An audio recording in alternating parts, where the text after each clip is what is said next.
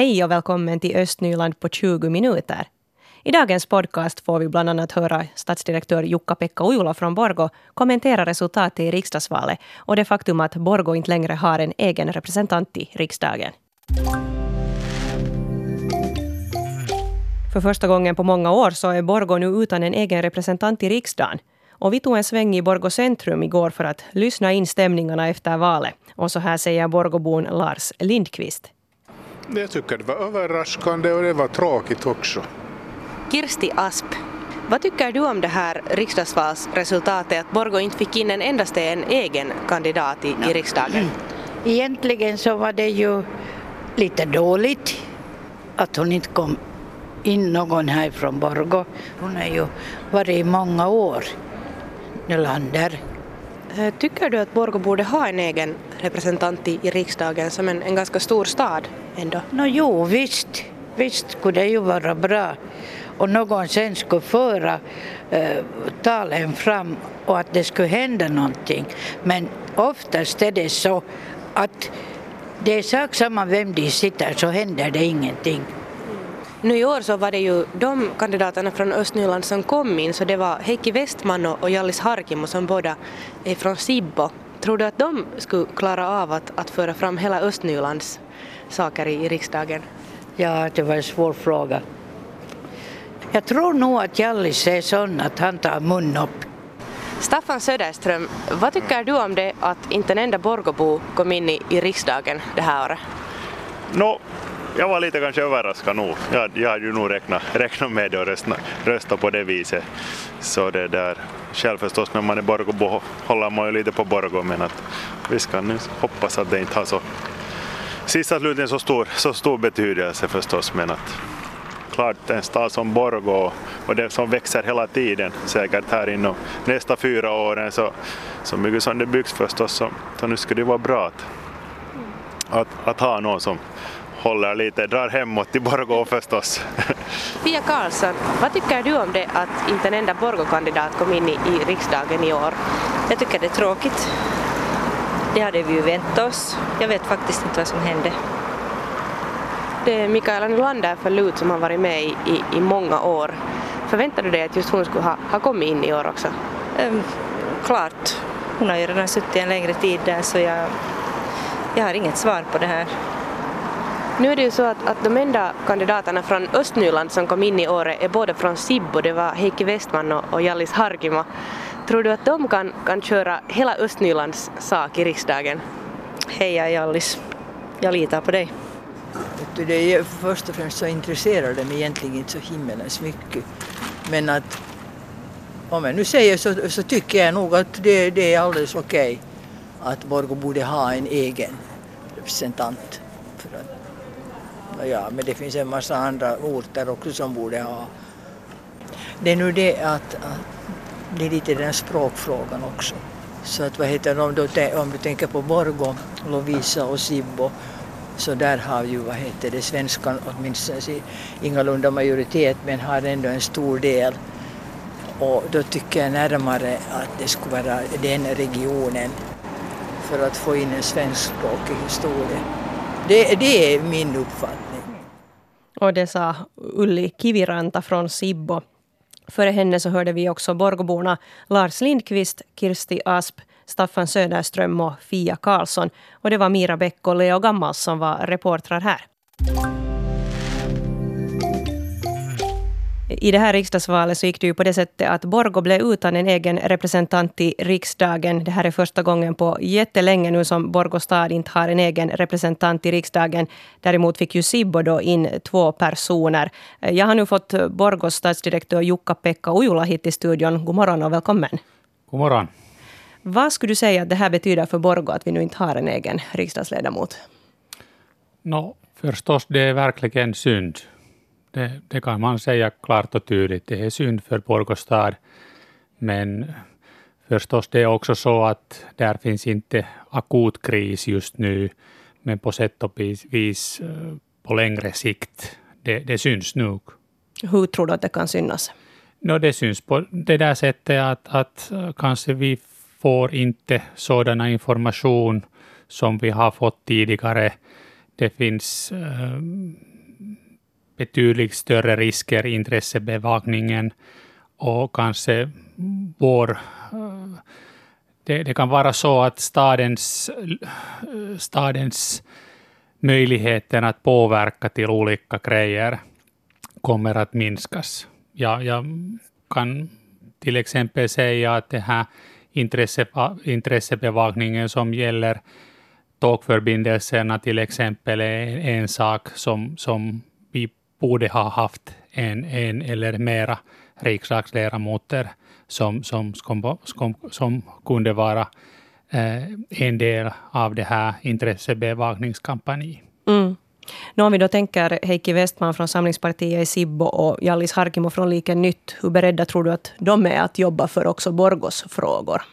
No, ja, ja, åtminstone jag hoppas så att, att båda är, e, och, och förstås Heikki Westman e, e, är, är ung och, och, och är, är från Sibbo, som jag tror att han, han är intresserad av det här andra delarnas, andra östra, Nyland, östra Nylandsdelarnas åsikter och grejer också, men, men på sätt och vis. Det, det, är, en, det är en sak att, att, att vi har en, en riksdagsledamot från Sippo och en sak att vi skulle ha haft en från Borgå. Mm. Nå, blev du överraskad att den gick så här? Man tänker ju ändå att Borgå är en stor stad med, med 50 000 invånare. No, förstås, jag var lite förvånad att, att no, någonting sånt kan hända, men, men på sätt och vis, eh, jag tror att, att det är en, en sak som vi måste diskutera och det, det skulle vara en del av stadens intressebevakningen i framtiden, att vad kan man göra med den här valkretsen? Att, att, eh, att det här att eh, till exempel Borgå med 50 000 invånare, om man går till, till andra, andra parter av land, så, så Borgå kunde ha haft två, tre eller fyra ledamöter till riksdagen. Och här i Nylands valkrets, det, det ser att, att det, är, no, det är inte omöjligt, men, men här finns stora risker. Och, och på sätt och vis, jag, jag, jag tror att det, det skulle vara en bra diskussion, allmänna diskussion här i Nyland och också i, i, i, i vårt valsystem, att är det här Nylands valkrets för stora? Mm, precis. Vi har Jukka-Pekka Ojula här i studion, han är stadsdirektör här i Borgo. Hur ser du då på valresultatet i allmänhet om man tänker då på, på frågor som vårdreformen och hur, hur den ska fortsätta nu här i landet? No, det, är Olmo, det, det, det är väldigt svårt att säga. Jag tror att, att någon, någonting, någonting måste göras. Det, det är helt och hållet eh, klart.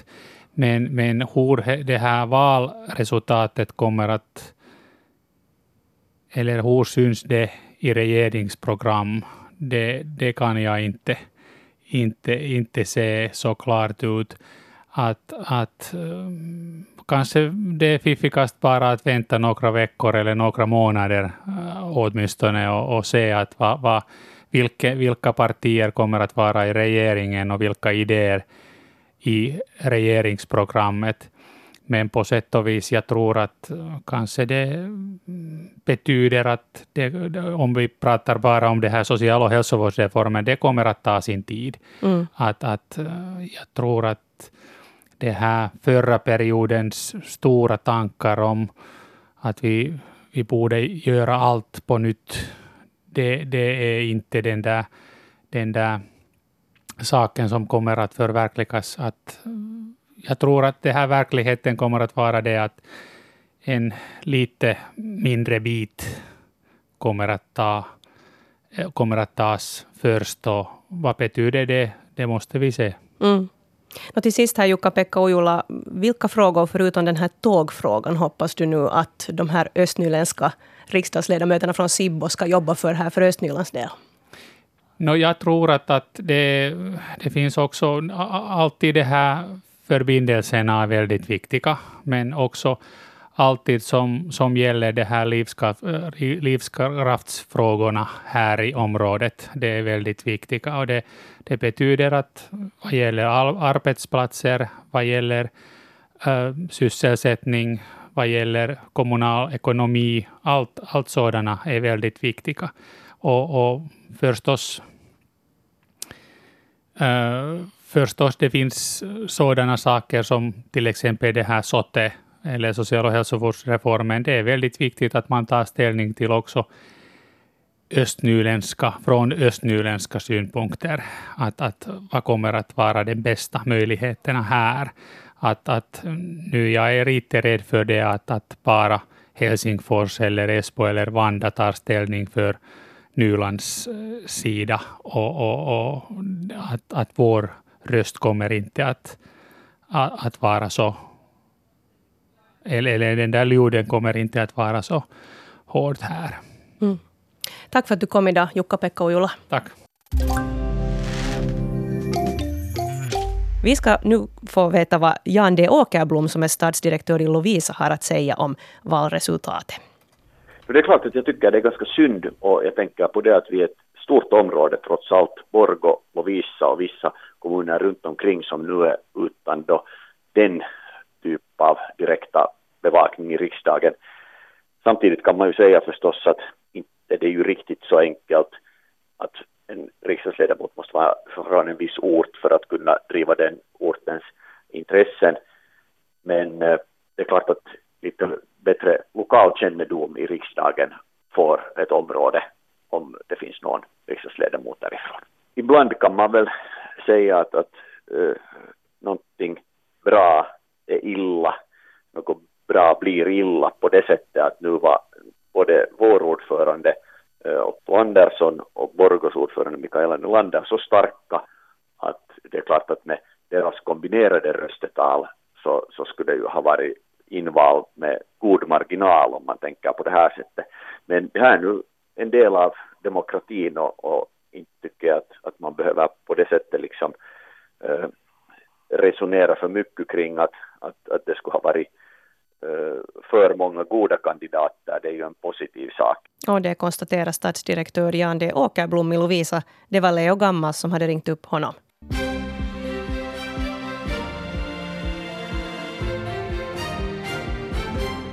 Klockan halv åtta och det här är de östnyländska nyheterna. Mitt namn är Hedvig Sandell. God tisdagsmorgon.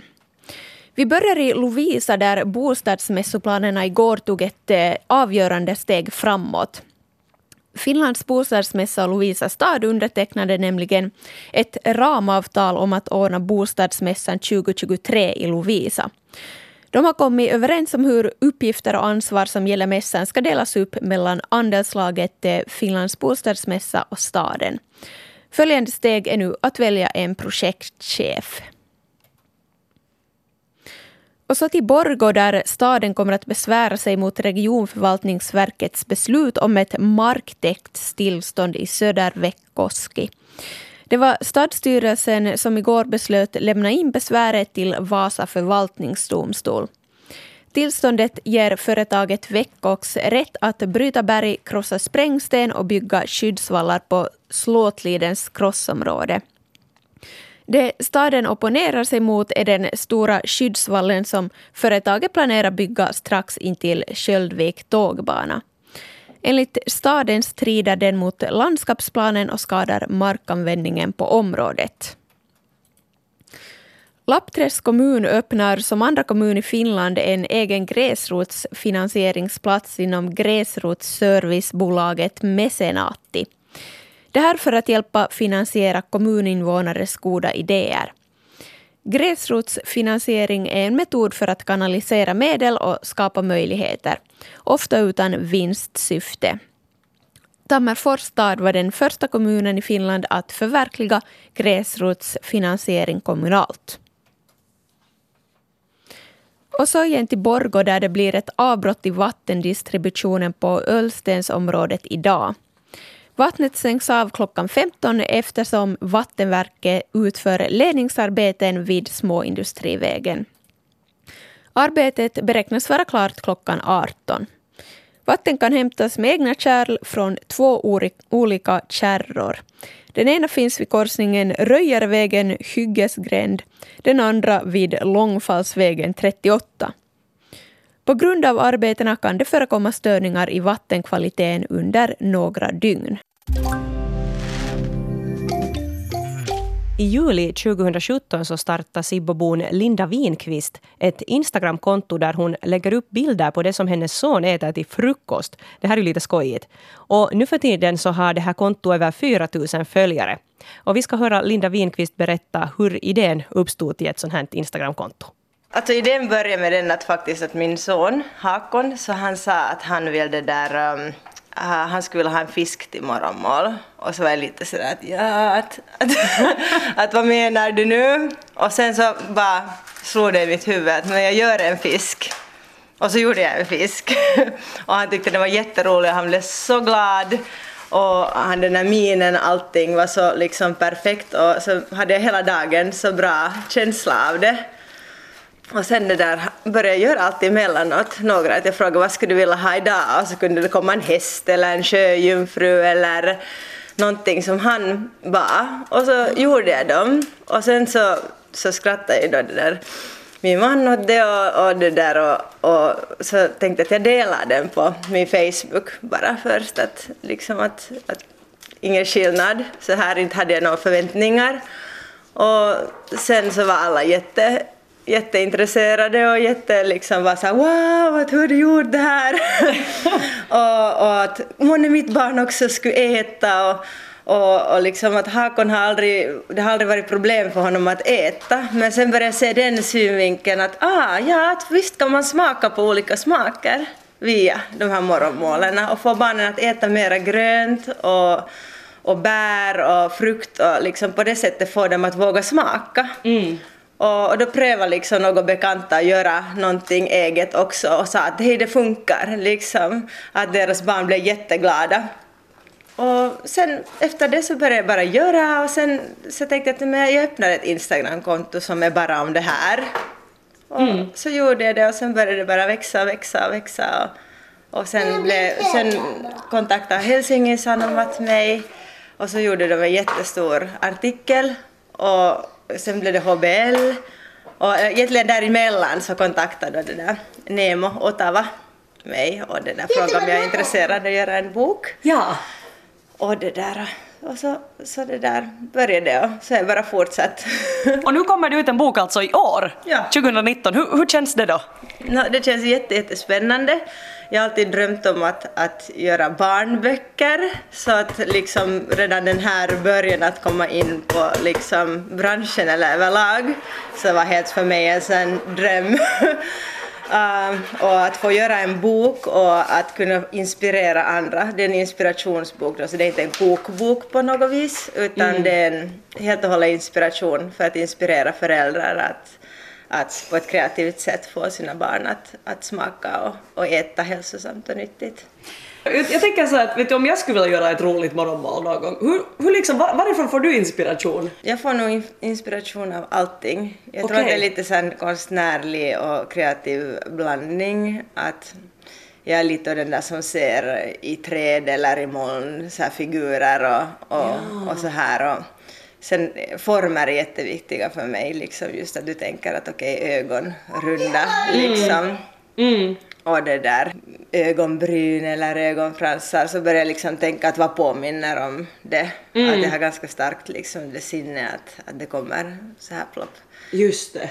Men att ibland får jag också idéer liksom till morgonmål helt annanstans, att inte alls liksom på morgonen utan mm. jag kan vakna på natten och och var så att åh! Så sitter jag lite och fnissar för mig själv och lite rädd att jag väcker, väcker de andra, måste skriva ner för att ja. man glömmer ju annars, annars dem så då kan jag ha bara liksom, men inte någonsin råvarorna utan då är det bara liksom figuren att Ja just det. Hakon, inte ljud. Hur mycket tid tar det i allmänhet att laga liksom en morgonmålsportion? Vad tar det mm. ungefär? Ungefär. Ehm, det beror jätte på vad jag lagar, men att så en vardagsmorgon om jag skulle laga så liksom max 5 till 15 minuter. Att liksom absolut inte längre än det. Men känns det inte hemskt någon gång? Du, du har lagat ett stort fint konstverk och sen äts det upp? Det är kanske den där finheten i det. Ja. För att min, min vinst i det är ju hans leende. Och vi hörde här Sibobon Linda Winqvist som alltså gör skojig frukost till sin son och nu då har ett Instagramkonto och en bok på väg. Det var Fredrika Lindholm som hade träffat henne. Östnyland på 20 minuter är en svenska YLE-podcast. Det finns flera poddar på arenan. Jag heter Katarina Lind. Tack så mycket för sällskapet. Vi hörs!